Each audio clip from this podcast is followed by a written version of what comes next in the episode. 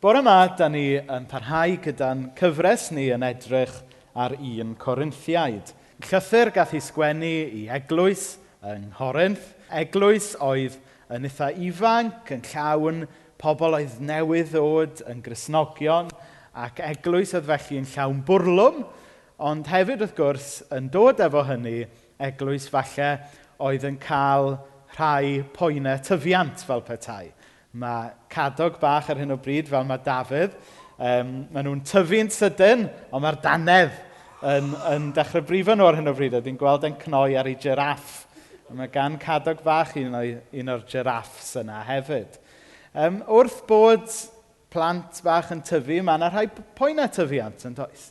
A mae'r un peth yng ngwir y mywyd yr eglwys. Wrth bod yr eglwys yn cawn bwrlwm ac yn tyfu, mae yna rai pethau anodd sy'n rhaid gweithio trwyddyn nhw hefyd. Ac oedd yr eglwys yn Corinth, yn eglwys oedd yn cael cyngor a help gan yr apostol Paul wrth weithio trwy rhai athrawiaethau a rhai issues hefyd oedd nhw falle yn ceisio ffordd ymlaen gyda nhw.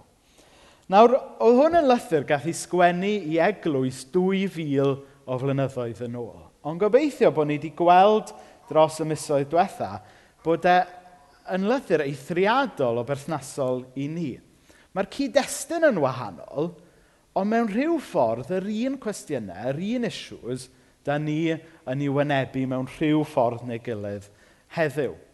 Achos mae gair Dyw yn air i bob oes. Mae'r cyd-destun yn wahanol, ond mae Iesu Grist yr un ddoe heddiw ac yfory. A mae'r eglwys yn byw yn y tensiwn yma o gael un troed fel petai yn y nefoedd, ond un troed yn y byd. A, a reslo gyda'r tensiynau yna. Felly, dyna yw'r cyd-destun da ni wedi bod yn gweithio trwyddo fe. A wedyn, mae gyda ni yr catchphrase yma sy'n helpu ni feddwl am peth. Sgwennwyd y llythyr i ni um, ond ddim ato ni. Sgwennwyd e at y Corinthiaid. A felly er mwyn deall beth mae Dyw'n dweud ni heddiw, mae rhaid ni gyntaf deall beth oedd e'n dweud yn ei gyd-destun gwreiddiol. A mae hwnna yn arbennig o berthnasol i'r pwnc a'r penodau fydd gyda ni dros yr wythnosau nesaf.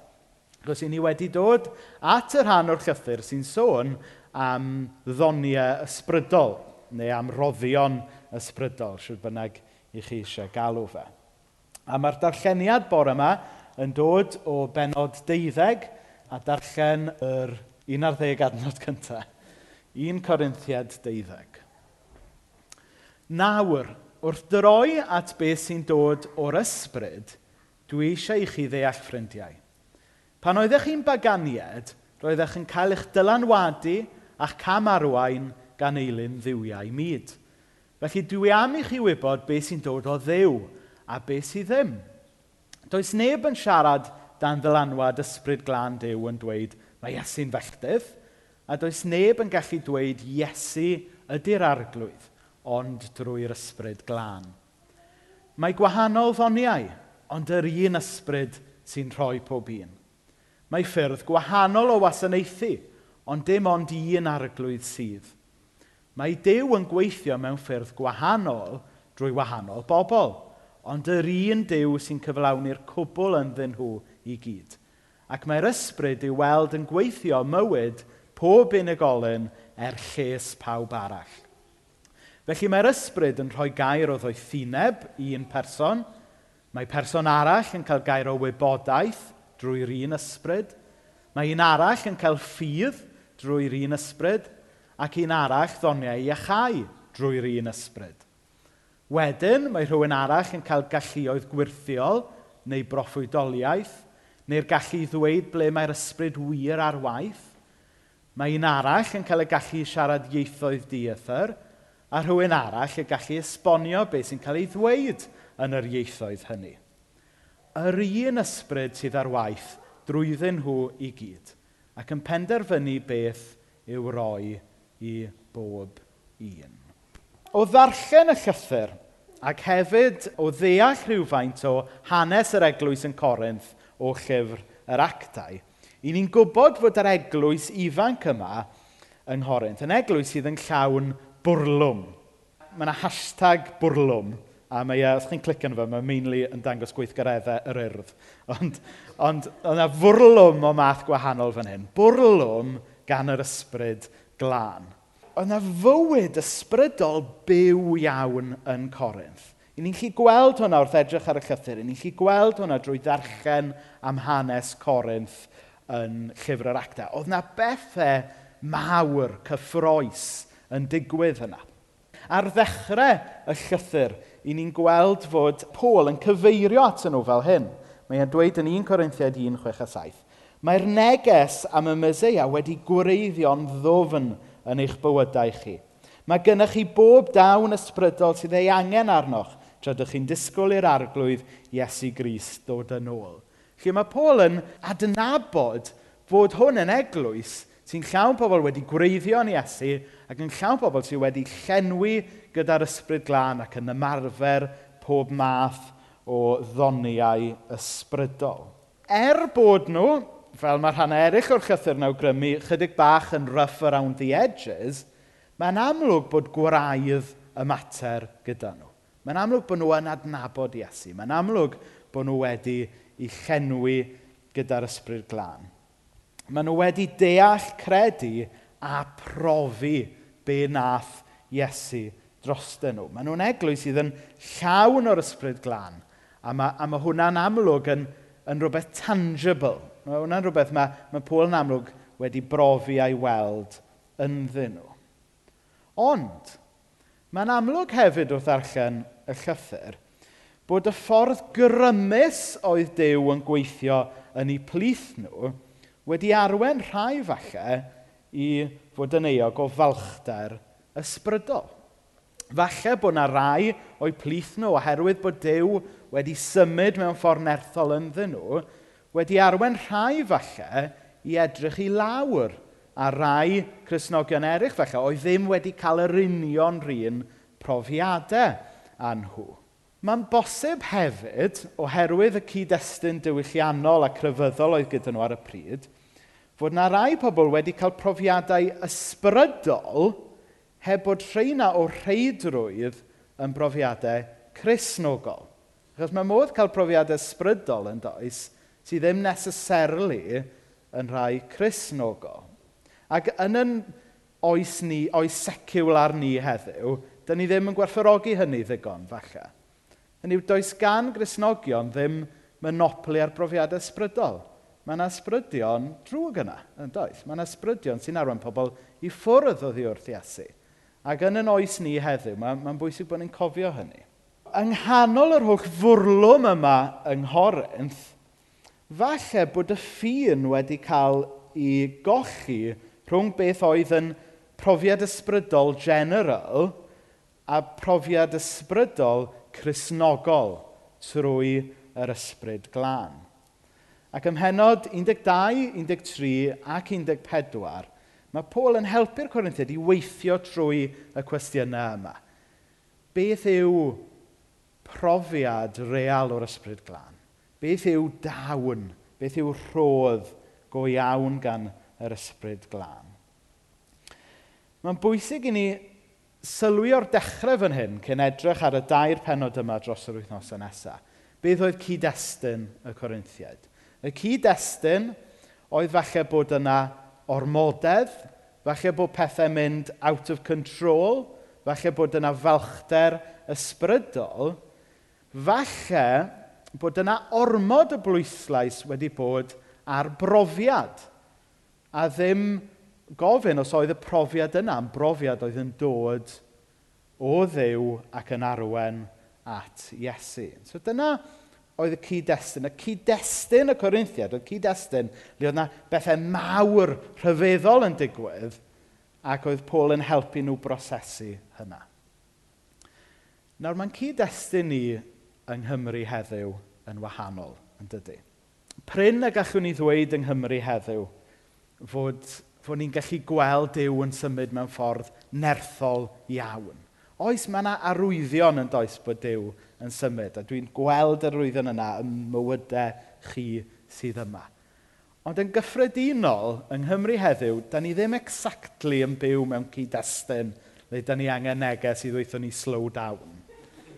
Chybod, Dwi'n mynd o gwmpas yn pregethu mewn gwahanol eglwysi. A weithiau dwi'n teimlo dylai fi fynd â heart monitor gyda fi, achos dwi'n amheus a oes pwls allan yna mewn rhai cynulleidfaoedd. Mae yna ymadrodd Saesneg, there's more life in a tramp's fest. Um, a dwi ddim yn dweud hyn yn amharchus, achos mae'n bwysig bod ni fel Cresnogion yng Nghymru heddiw – yn realistig ynglyn â lle da ni arni. Mae'r fflam ysbrydol yng Nghymru yn isel yn dydy. A mae'n rhaid ni beidio twyllo'n hunain. Dyna, dyna lle yda ni. Dyna'r cyd-destun i ni yn ei wynebu. Da ni mewn man tebyg i be nath um, Ezekiel ddod ar ei draws. Penod 37, adnodau 2 a 3. Gwnaeth i mi gerdded o gwmpas drwy canol nhw, yn ôl ac ymlaen – Roedden nhw ym mhobman, esgyrn sychion ar lawr y dyffryn i gyd. Yna gofynodd i mi, ddyn, oes gobaith i'r esgyrn yma ddod yn ôl yn fyw eto? A dyma fi'n ateb, meistr, arglwydd, dim ond ti sy'n gwybod hynny. Dyma yw cyd-destun ysbrydol Cymru a siarad yn gyffredinol, yn dyfa. I ni'n byw mewn gwlad o esgyrn sychion i ni ddim yn byw mewn gwlad ar hyn o bryd le i ni'n gallu gweld Dyw yn symud mewn ffordd nerthol iawn. Felly mae'n cyd-destun ni wrth edrych ar beth sy'n cael ei drafod yn y penodau nesaf yn wahanol i cyd-destun y Corinthiaid. Oedd y Corinthiaid, oedd na, oedd na dan yna ar y pryd. Ac oedd nhw'n edrych ar y cwestiynau o prospectif pobl sydd gyda tan. I ni falle yn edrych ar y penodau nesaf o brosbectif pobl sydd angen tan, nid o'r rheidrwydd pobl sy'n chwilio i slofi lawr. Gair i gall oedd gan Pôl i'r Corinthiaid. Tasau Pôl yn sgwennu llythyr i Gymru heddiw, mae'n siŵr mai mentrwch bydde fe'n dweud, nid pwychwch, yn dyfa. A mae'n bwysig bod ni yn deall hynny. Achos mae yna lot, yn anffodus, mae yna lot o grisnogion ac eglwysu yng Nghymru heddiw yn darllen y penodau yma ac yn defnyddio fe fel ffordd o ladd ar bobl sydd eisiau mentro gyda Dyw a, a mentro gyda'r Ysbryd Glan. Dyn ni ddim, dwi ddim yn meddwl bod ni'n byw mewn cyfnod yng Nghymru heddiw sydd angen neb yn taflu dŵr oer ar waith yr Ysbryd Glan. Da ni'n byw mewn oes le mae angen megin i godi'r tan yn dydyn. Felly, felly dyna'r cyd-destun. Y pwynt cyntaf mae, mae Paul yn drafod gyda Corinthiad fan hyn ydy hanog nhw i bwyso a mesur a ydy rhywbeth o'r ysbryd a ydy dawn neu rhodd o'r ysbryd wir yn rhywbeth gan ddiw. Yn amser Paul, oedd na wahanol grefyddau yn cynnig profiadau ysbrydol i bobl, yn grefyddau paganaidd yn bennaf, yn cynnig profiadau ysbrydol i bobl. Dyna pa mae e'n dweud yn adnod 2. Pan oeddech chi'n baganiad, roeddech yn cael eich dylanwadu a'ch camarwain gan eilun ddiwiau myd. Hyd yn oed cyn bod y Corinthiad yn clywed am Iesu, mi oedd profiadau ysbrydol ddim yn rhywbeth diethyr iddyn nhw. Oedden nhw'n cael profiadau ysbrydol cynt. Oedden nhw'n cael profiadau dofn allan o'r arferion paganaidd yma oedd gyda nhw. A heddiw, mae'n bwysig bod ni yn awyr bod ni hefyd yn gallu cael profiadau mawr a mae'n bosib i ni gael yn cyffwrdd yn y galon go iawn gan bethau heblaw am ddiw. Yn bersonol, mae, mae cerddoriaeth yn ynghyffwrdd i mewn ffordd dofn. I bobl eraill, mae'r cyffro o fod um, mewn gêm rygbi neu gêm peldroed yn, yn eu cyffwrdd nhw mewn ffordd real iawn. A mae'r profiadau yna i gyd yn iawn yn ei lle, ond mae'r profiad o gael dew yn torri mewn yn cael ni yn wahanol yn dydy. A mae'n bwysig bod ni yn gallu fel gwahaniaethu rhwng y, y profiad a'r passion i ni'n cael gan bethau eraill sy'n iawn yn ei lle a'r profiad a'r passion i ni'n cael pa mae Dyw i hun yn cyffwrdd ni. Heddiw, fel yng nghyfnod Corinth, mae'n bosib i ni gael profiadau ysbrydol heb bod nhw o'r rheidrwydd yn brofiadau chrysnogol. A mae Paul jyst yn gwneud y pwynt yna ac yn, yn helpu ni weithio allan y gwahaniaeth rhwng y peth. Mae Paul yn helpu'r Corinthiad i weld, wel, ydy'r profiad ysbrydol yma i chi'n i gael – yn eich arwen chi i ddatgan mae Iesu ydy'r arglwydd. Dyna mewn ffordd yw'r prawf mae Paul yn rhoi. Mae yna, mewn rhan eraill um, o'r Testament Newydd, mae yna beth eraill yn cael i, i rhoi. Ond yn fan hyn, mae Paul yn, yn holi. Ydy'r profiad ysbrydol mae chi'n cael yn arwen chi i ddatgan mae Iesu ydy'r arglwydd. A mae hwnna'n un prawf o leia i weld os ydy'n profiadau ysbrydol ni yn brofiadau real gan ddew os nad ydy'r profiad ysbrydol yma yn yn harwen i i weld a datgan mae Iesu yr arglwydd, yna falle bod eisiau ni ofyn, a i jyst profiad ysbrydol generic yw e, neu wir profiad gan ddew. Diben y profiadau ysbrydol yma i ni'n cael yw arwen ni at Iesu a bod ni'n gweld a profi Iesu. Diben y doniau ysbrydol y byddwn ni'n mynd ymlaen i drafod dros yr wythnosau nesaf ydy bod yn rhan o weinidogaeth Iesu a helpu pobl gysylltu efo Iesu. Y peth nesaf ni eisiau trafod ydy y cwestiwn yma, ydyn ni'n galw nhw'n ddoniau ysbrydol neu yn rhoddion ysbrydol? Yn Saesneg, spiritual gifts yw'r ymadrodd sy'n cael ei ddefnyddio, ond yn Gymraeg, doniau ysbrydol. Ac yn yr achos yma, dwi'n meddwl bod y Saesneg yn fwy um, defnyddiol. Achos yn Gymraeg, mae'r gair um, daw yn adoniau, mae e wedi mynd i fod yn rhywbeth... O, dyma'r ail dro mae'r urdd mynd i gael mens bore yma. Mae e wedi dod i feddwl bod yn rhyw performance, tyfo, bod o, mae dawn gyda fe ar y piano, neu mae dawn gyda fe yn, yn canu'r bariton ac ennill y rhuban glas. Dyma rhyw syniad fel yna sydd gyda ni o ddawn yn Gymraeg, ynddo fe? Ond mae'r gair gwreiddio sy'n cael ei ddefnyddio, dyw e ddim yn rhywbeth sydd yno ni fel petai, ond mae'n rhywbeth sydd wedi roi i ni. A, a dyna sy'n digwydd yn y penodau nesaf. Mae, mae sôn am y doniau yma yn bethau sydd wedi rhoi i ni gan yr ysbryd glân. Gan ddew trwy'r ysbryd glân.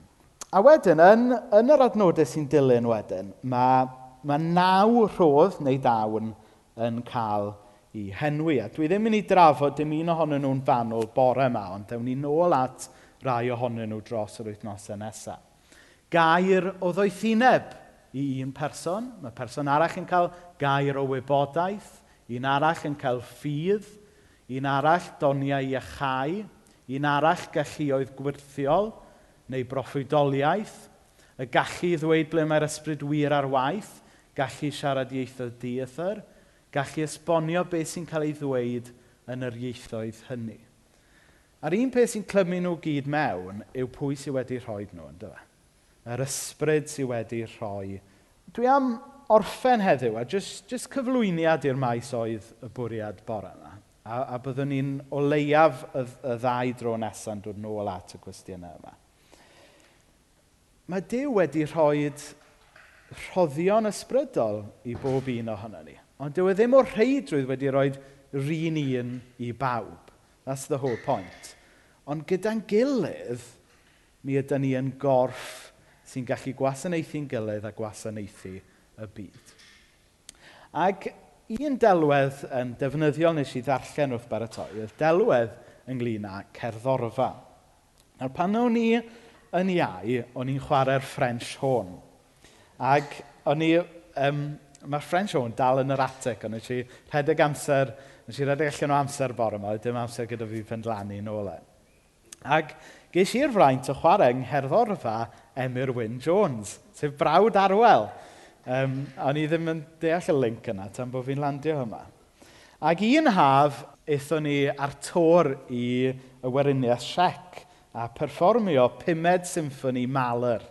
Ac i chi sy'n deall eich cerddoriaeth glasurol, mae hwnna yn, yn wir yn gampwaith a mae'r cyrn Ffrengig hefyd ar ôl eitha prominent. A mae un symudiad bron a bod yn gonsiwrto i'r cyrn Ffrengig.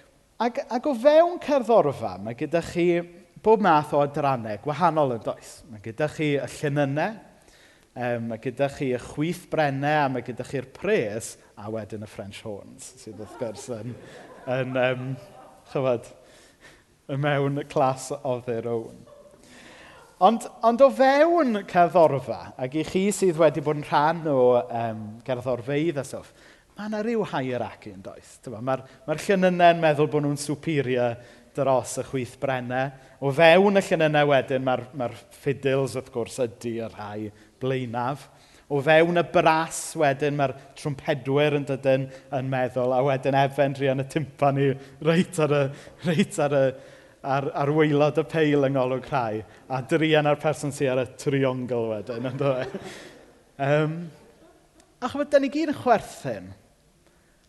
Ond y gwirionedd trist yw weithiau fel na da ni'n gallu bod gyda'r eglwys, yn dweud. Da ni'n gallu meddwl bod yna rai pobl a rhai doniau o fewn yr eglwys yn fwy pwysig na'i gilydd.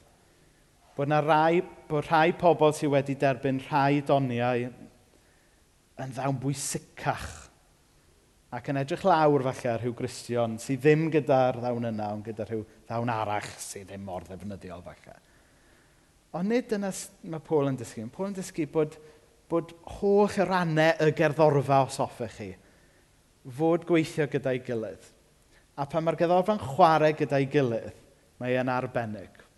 A, a bydde, chyfo, falle bod y llunynau'n edrych lawr arna ni gyrn Ffrengig, ond byddai pumed symffoni maler ddim yn bumed symffoni maler heb yn rhannau ni.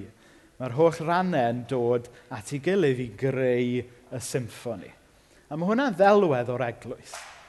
Mae Dyw wedi rhoi rhoddion doni esbrydol gwahanol i bob un ohono ni. A mi ddylen ni geisio y rhoddion a'r doniau yna. Newn ni edrych mwy ar hyn dros yr wythnosau nesaf. Ond ar y dechrau fel hyn, mae Paul yn yn dweud wrth y Corinthiad, gyntaf i holi, ydy'r profiad, ydy'r ddawn, ydy'r rhodd ysbrydol yma yn wirodd gan yr arglwydd. Ydy e'n arwen chi i ddweud mae Iesu o'r arglwydd.